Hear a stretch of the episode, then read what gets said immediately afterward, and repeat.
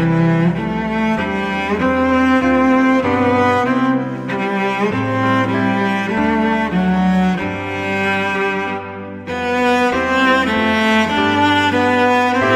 pagi umat-umat Tuhan. Kita bersyukur untuk anugerah Allah yang besar yang Allah berikan kepada kita. Roma pasal yang ke-13 Mari kita akan baca ayat firman Tuhan Pada ayat yang ke-7 Sampai ayat yang ke-10 Roma pasal yang ketiga Ayat yang ke-7 sampai yang ke-10 Mari kita akan membaca ayat firman Tuhan ini Roma pasal yang ke-13 Ayat yang ke-7 sampai yang ke-10 dan kita akan melihat tentang kasih dan keadilan yang Tuhan telah tetapkan untuk kita pahami dan kita laksanakan. Roma pasal 13 ayat yang ke-7 sampai yang ke-10 demikianlah firman Tuhan. Bayarlah kepada semua orang apa yang harus kamu bayar. Pajak kepada orang yang berhak menerima pajak, cukai kepada orang yang berhak menerima cukai, rasa takut kepada orang yang berhak menerima rasa takut, dan hormat kepada orang yang berhak menerima hormat. Janganlah kamu berhutang apa-apa kepada siapa pun juga, tetapi hendaklah kamu saling mengasihi, sebab barang siapa mengasihi sesamanya manusia, ia sudah memenuhi hukum Taurat. Karena firman jangan berzina, jangan membunuh, jangan mencuri, jangan mengingini, dan firman lain mana pun juga sudah tersimpul dalam firman ini, yaitu kasihlah sesama manusia seperti dirimu sendiri. Kasih tidak berbuat jahat terhadap sesama manusia, karena itu kasih adalah kegenapan hukum Taurat. Haleluya. Umat-umat yang dikasih Tuhan pada waktu kita memahami bagaimana mengikut Tuhan, maka sesungguhnya ada hak dan ada kewajiban yang harus kita pahami. Jadi segala sesuatu yang kita miliki sekarang ini itu adalah dari Tuhan. Segala sesuatu yang kita miliki itu adalah dari Tuhan. 1 Korintus pasal 4 ayat yang ketujuh jelas mengatakan, Adakah yang kamu punyai sekarang yang bukan engkau terima? Adakah yang engkau miliki sekarang bukankah itu semua engkau terima? 1 Korintus pasal 4 ayat yang ketujuh. Ini mengingatkan kita bahwa tidak ada sesuatu pun yang kita miliki yang bukan kita terima. Jadi kita harus menyadari segala sesuatu dalam hidup kita itu adalah pemberian anugerah daripada Tuhan. Bukan karena kekuatan kita, bukan karena kemampuan kita, bukan karena kehebatan kita. Ini diulang atau diperingatkan oleh Allah berulang kali. Bukan karena kekuatan atau kemampuan kita, bahkan untuk memiliki segala sesuatu. Jadi Alkitab mengatakan bahwa Tuhan memberikan kepada kita segala sesuatu apa yang kita miliki dan itulah yang kita dapatkan sekarang ini. Nah, saudara-saudara, Tuhan juga berkata, jangan kamu berkata dalam ulangan 8 ayat 17, jangan kamu berkata, karena kekuasaanku atau karena kekuatan tanganku lah, maka aku memperoleh segala kekayaan ini. Jangan. Ulangan 8 ayat 17 tetapi semuanya ini adalah karena Tuhan menggenapi janjinya. Jadi anugerah Allah diberikan kepada kita. Belas kasihan Tuhan diberikan kepada kita. Tuhan tetap setia kepada janjinya. Sehingga jangan kita berkata bahwa apa yang kita peroleh karena kekuatan atau kekuasaan atau kehebatan kita. Tidak. Semuanya dari Tuhan. Nah, oleh sebab itu, kita sekarang ini punya suatu pengertian bahwa kalau saya terima dari Tuhan, maka saya itu punya suatu kewajiban kepada Tuhan. Karena saya sudah menerima daripada apa yang diberikan Allah kepada saya, maka saya wajib juga untuk membayarkannya kembalinya seolah-olah saya melakukannya ini memang bukan langsung kepada Tuhan, tapi sesungguhnya itu saya berikan kepada Tuhan. Sebagai contoh, waktu kita memberi persembahan, kita memberi persembahan itu sebenarnya bukan untuk Tuhan itu.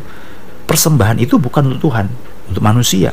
Tetapi waktu kita memberi persembahan itu dalam tanda petik seolah-olah kita diberikan pengertian atau diberikan pemahaman seolah-olah itu kita persembahkan kepada Tuhan. Seperti kita berikan untuk Tuhan. Nah, contoh lain misalnya, Kolose pasal 3:23. Kalau kita bekerja, ya kita bekerja kan supaya kita dapat gaji. Kalau kita bekerja, ya kita bekerja ya karena itu nafkah. Kalau kita bekerja ya karena itu mata pencaharian. Kalau kita bekerja sapu rumah itu demi kepentingan kita. Tapi Alkitab berkata, apa pun juga yang kamu lakukan, lakukanlah itu seperti untuk Tuhan dan bukan untuk manusia. Jadi Alkitab mengatakan, itu kan sebenarnya demi kepentingan kita. Tetapi walaupun itu demi kepentingan kita, atau walaupun itu untuk manusia, dalam tanda petik ini seolah-olah atau seperti itu kepada Tuhan. Tuhan tidak menerima itu semuanya sebenarnya. Itu bukan untuk dia, ya kan? Kita kerja ya untuk kita yang dapat gaji ya kita yang kita makan bakso ya kita ya kan? Bukan kita makan bakso sama Tuhan itu kan makan bakso sama-sama ya nggak ada itu kan? Jadi semuanya ini tapi kita lakukan seperti untuk Tuhan. Nah demikian juga dalam segala apa yang kita terima kita harus menyadari bahwa saya bukan hanya sebagai penerima tapi ada satu kewajiban yang saya juga harus kerjakan Nah, kemarin kita sudah membicarakan dalam Roma pasal yang ke-12 bahwa waktu kita mendapatkan sesuatu, maka bantulah orang-orang kudus dalam kesusahan, kata Alkitab. Jadi ini ada satu kata yang dipergunakan yaitu satu kata koinonia, bersekutu.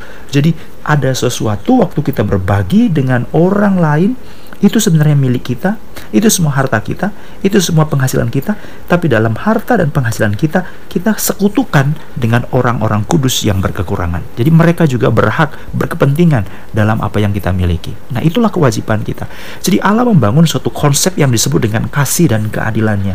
Itu sebab dalam ayat yang ke-8 dikatakan, kamu jangan berhutang apa pun kepada siapa pun. Jangan. Jangan berhutang kasih. Jangan berhutang apa pun kepada siapa pun kasihilah sesama manusia. Sehingga dalam ayat yang ketujuh, waktu kita membayar pajak, kita bayar pajak kepada pemerintah itu karena ketaatan kepada Allah. Kemarin kita sudah pikir, pikirkan, pikirkan, bicarakan. Jadi ini bukan hanya sekedar karena pemerintahnya, tapi karena Allah, karena murka Allah, karena suara hati kita karena kita juga menginginkan hal yang baik. Maka kita bayar pajak. Jadi bayar pajak jangan salah-salahkan pemerintah. Pemerintah terimanya cuma pajak saja, tidak. Walaupun pemerintah itu menyalahgunakan pajak itu dengan tidak baik, tetapi itu bukan urusan kita. Ada mekanisme lain yang akan membuat pemerintah itu akan diaudit, akan diteliti apakah dia menjalankan dengan baik atau tidak. Jadi siapa pengontrolnya? Ya kecuali saudara yang mengontrol, ya saudara boleh. Sama seperti kita melihat anak kita. Anak kita kalau kita kasih uang jajan, tapi dia menggunakan uang jajan itu untuk sesuatu yang lain, berarti kita yang mengontrol toh kita yang mendisiplin kan? Nah jadi jangan kalau saudara sudah tahu anak saudara itu menggunakan uang dengan tidak bertanggung jawab saudara terus kasih tanpa peringatan tanpa disiplin ya tidak boleh itu salah saudara. Karena yang berkontrol untuk apa berhak untuk berwenang untuk mengontrol itulah saudara. Kalau saudara tahu saudara kasih uang sekolah kepada anak saudara lalu uang sekolah itu dibelanjakan untuk hal yang tidak patut atau tidak seharusnya kepada uang sekolah ya saudara tahu dong apa yang harus dilakukan karena kontrolnya bagi saudara. Tapi kalau kontrolnya bukan saudara ya saudara tetap harus melakukannya Contohnya misalnya, contohnya misalnya, kalau saudara bayar pajak kepada pemerintah, yang mengontrol pemelaksanaan pajak kan bukan saudara, ada institusi lain. Jadi tetap saudara harus lakukan, tetap saudara lakukan karena ketaatan kepada Allah. Nah, inilah satu prinsip ada kasih, ada keadilan. Jadi memberi tempat kepada kasih dan keadilan Allah. Jadi biarlah kita lakukan ini karena kasih kita kepada Allah, tetapi kita beri kesempatan untuk keadilan Allah dinyatakan. Dan keadilan itu bukan hanya dari Allah dinyatakan, tetapi keadilan juga bagi kita. Apa adilnya bagi saya? Kan kamu semua terima dari Tuhan, ya berikan dong kepada Tuhan. Yesus berkata waktu suatu kali dia dicobai sebenarnya atau dipertanyakan bahwa Tuhan, haruskah kami membayar pajak? Tuhan, haruskah kami membayar pajak? Jadi ini adalah satu pertanyaan yang sebenarnya jebakan. Bukanlah sebuah pertanyaan yang sebenarnya untuk mencari kebenaran. Jadi dia itu seolah-olah diberikan pertanyaan ya untuk menjeb, untuk menjebaklah Tuhan Lukas 20 diperbolehkan kami membayar pajak kepada kaisar atau tidak karena orang Israel itu kan bermusuh dengan kaisar mereka dijajah oleh kaisar kaisar adalah orang fasik.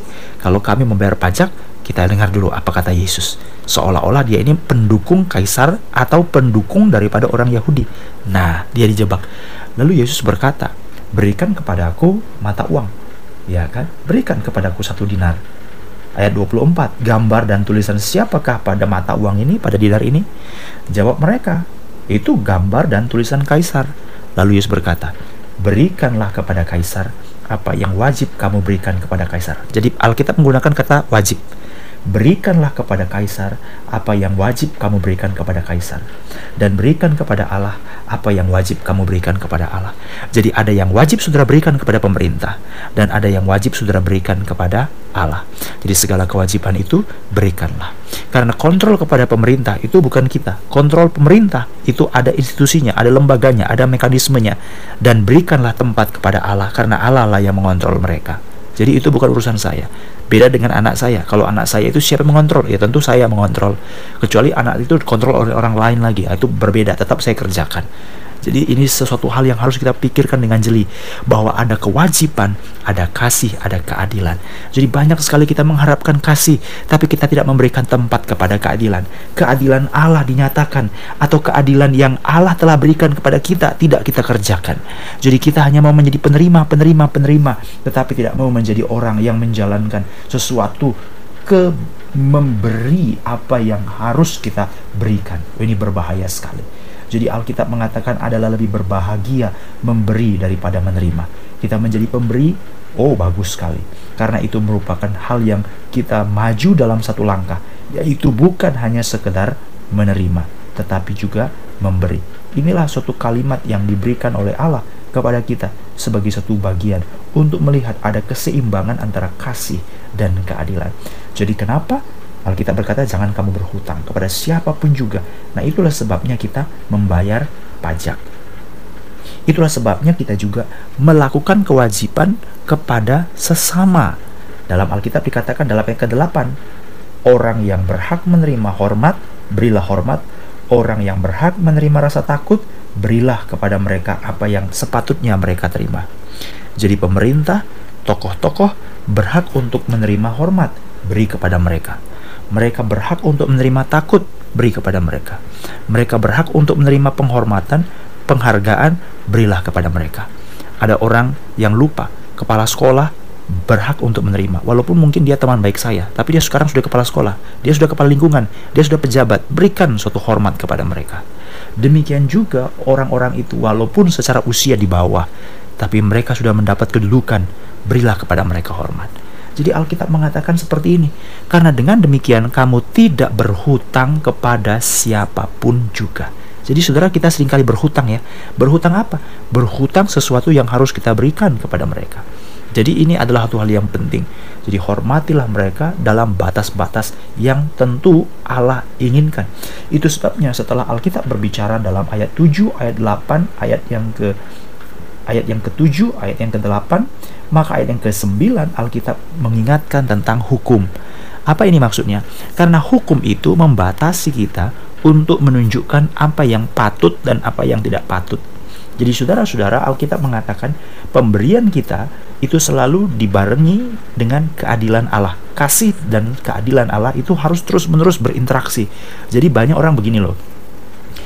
Ada orang sedikit dalam hal kasih tapi banyak dalam hal keadilan.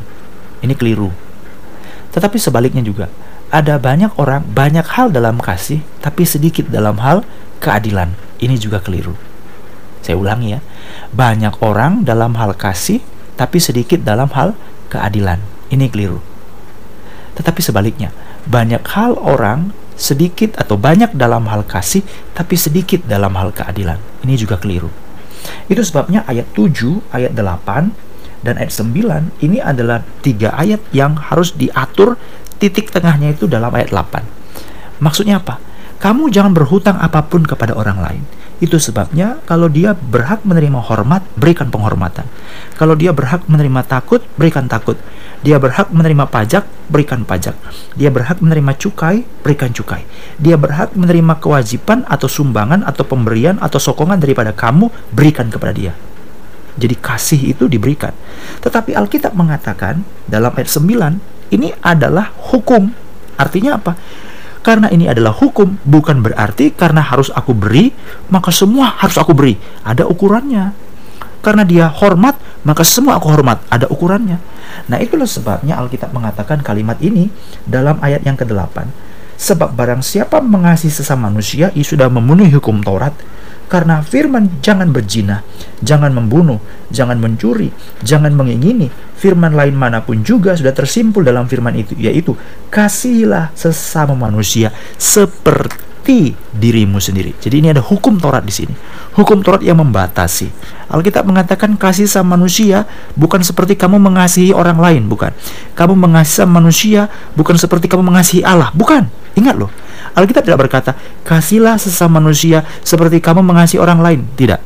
Alkitab juga tidak mengatakan, kasihlah sesama manusia seperti kamu mengasihi Allah. Tidak. Alkitab berkata, kasihlah sesama manusia seperti dirimu sendiri. Jadi jangan sampai kasih kita melampaui kasih kita kepada A, Allah. Ini batasan.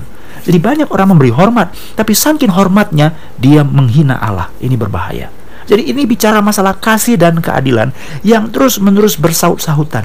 Jangan kasih-kasih-kasih terlalu besar tetapi keadilannya menjadi jebol. Atau sebaliknya, keadilannya terlalu besar sehingga engkau tidak memiliki kasih. Tapi dua hal ini engkau harus terus-menerus kaitkan. Engkau harus terus-menerus seimbangkan. Engkau harus terus-menerus pikirkan, evaluasi terus-menerus. Apakah pemberian saya ini pemberian yang berlebihan? Siapa yang tidak mengasihi anaknya? Tetapi apakah karena dia mengasihi anaknya, maka segala sesuatu harus diberikan kepada anaknya?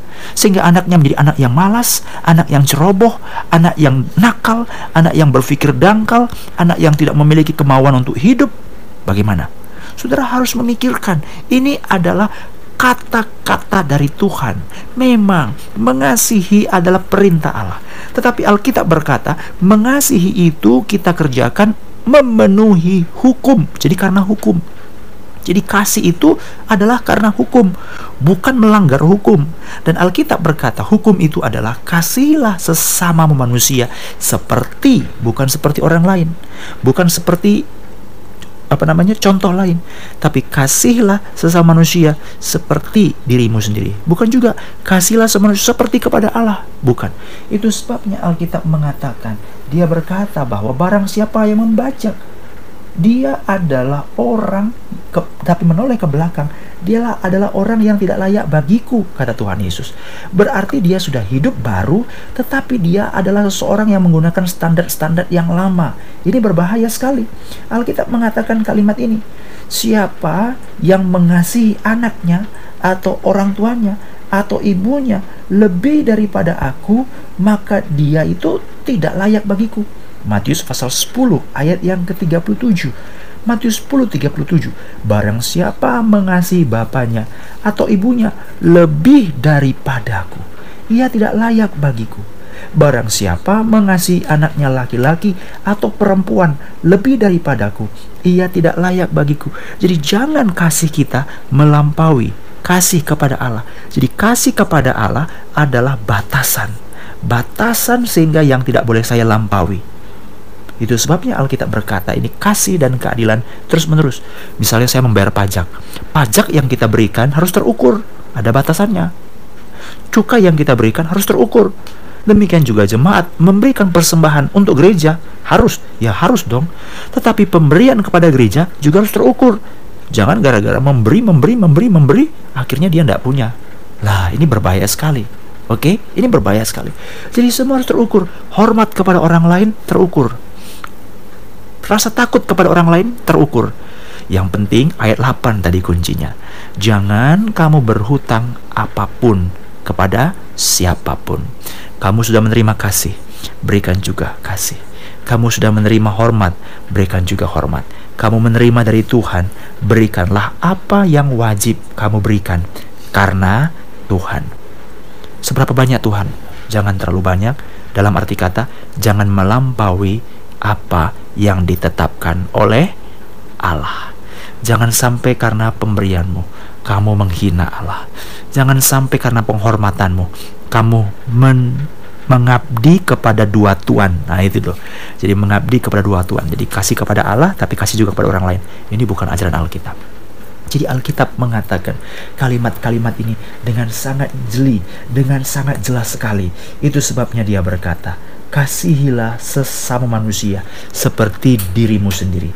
Kalau kamu melakukan hukum ini, kalau kamu hidup dengan cara seperti ini, kamu hidup dalam hukum Allah. Kamu hidup dalam takut akan Allah. Kamu hidup karena kamu mengasihi Allah. Kamu memenuhi hukum Allah. Karena kasih tidak berbuat jahat terhadap sesama manusia. Ayat yang ke-10, karena kasih tidak berbuat jahat terhadap sesama manusia. Karena itu kasih adalah kegenapan hukum Taurat. Kalau saya memberikan penghormatan sewajarnya, itu bukan karena saya melukai orang itu, tetapi justru saya mengasihi orang itu. Kenapa saya mengasihi orang itu? Karena saya memberi penghormatan. Tapi orang lain begini, begini, begini. Dia mengasihinya seperti seperti ini. Kamu kenapa mengasihi nggak seperti seperti itu? Oh, saya mengasihi seperti saya mengasihi diri sendiri, bukan saya mengasihi seperti saya mengasihi Tuhan. Jadi kalau saya mengasihi orang lain ada ukurannya. Saya tidak bisa mengasihi orang lain seperti orang lain sana, seperti orang lain sana, tidak bisa. Ada orang tua yang mengatakan, kau ini jahat kali sama anakmu. Anakmu orang lain kalau anaknya begini, dikasihnya begini. Kalau kau nggak, kau buat seperti ini. Beda. Kenapa? Kalau orang lain mengasihi dengan cara seperti itu, itu urusan dia. Itu bukan urusan saya. Kalau saya mengasihi, saya mengasihi bukan seperti orang lain, tapi saya mengasihi anak saya, saya mengasihi orang lain seperti diri saya sendiri. Jadi itu kalimat-kalimat firman Allah yang mengadakan, menunjukkan keadilan Allah, keadilan Allah dan kasih Allah, keadilan dan kasih saya itu semua ada ukurannya, ada takarannya. Jangan terlalu banyak kasih dan kendor dalam keadilan. Atau sebaliknya dalam hal keadilan banyak tetapi kendor dalam hal kasih. Dua hal ini harus sejajar dua hal ini harus beriringan dua hal ini harus proporsional. Bukan seimbang dalam arti kata sama rata ya tapi dua hal ini dalam hal yang adil sesuai dengan hukum-hukum Tuhan sehingga kita tidak berhutang apa pun kepada siapa pun juga biarlah Tuhan menolong Mari kita berdoa. Tuhan Yesus Kristus, berikan kepada kami kepekaan untuk dapat menilai dan melihat apa yang harus kami lakukan dan bagaimana kami harus melakukannya. Bagaimana kami harus melakukan perbuatan? Haruskah kami membantu seseorang? Apakah ini waktunya bagi kami untuk menolong? Kami harus menolong seseorang, harus sebagai tanda bahwa kami melakukannya karena kami juga menerimanya dari Tuhan. Tidak ada hidup kami yang bukan karena pertolongan Tuhan. Tidak ada hidup kami yang bukan belas kasihan Tuhan. Tidak ada hidup kami yang bukan karena pemberian dan karena kebaikan hati. Tidak ada. Oleh sebab itu, biarlah kami juga hidup penuh dengan kebaikan hati, melimpah dengan pertolongan. Tetapi kepada siapa, bagaimana, dan kapan Tuhan, kami juga harus melakukannya bukan dengan sembarangan, bukan dengan memboros-boroskan, bukan dengan membabi buta, tapi semuanya dengan ukuran-ukuran yang jelas. Karena inilah diatur oleh hukum Tuhan. Jangan sampai kami mengasihi lebih daripada kami mengasihi Tuhan. Jangan sampai kami menghormat lebih daripada menghormat Tuhan. Jangan sampai kami memberi rasa takut lebih daripada takut akan Tuhan. Karena tidak mungkin kami mengabdi kepada dua Tuhan. Tuhan kami hanya satu dan hanya satu-satunya, yaitu Engkau Allah, Tuhan kami Yesus Kristus. Sebab itu, biarlah kami mengasihi, biarlah kami memberi, biarlah kami memberikan suatu penghormatan, rasa takut, membayar apa yang harus kami bayarkan, menolong apa yang harus kami tolong, memberikan segala sesuatu yang ada pada diri kami sesuai dengan tuntutan-tuntutan hukum Tuhan. Biar kami menguras diri kami hanya sesuai dengan firman Tuhan. Tuhan adalah lebih berbahagia memberi daripada menerima. Dan biarlah kami hidup dalam pandangan ini. Kuatkanlah umat-umatmu. Mungkin kami merasa kami tidak sanggup, kami tidak kuat. Tetapi biarlah kami lakukan bukan untuk manusia, tapi seperti untuk Tuhan. Dalam nama Yesus kami berdoa. Haleluya. Amin. Umat-umat Tuhan demikianlah anugerah surga bagimu. Turunlah anugerah dari Allah Bapa, cinta kasihnya Tuhan Yesus Kristus, persekutuan Roh Kudus, menyertai, menuntun, memimpin hidupmu dari sekarang sampai Yesus datang kembali. Terimalah anugerah surga dalam nama Tuhan Yesus Kristus. Haleluya. Amin. Selamat pagi bagi saudara-saudara semuanya. Terpujilah Tuhan.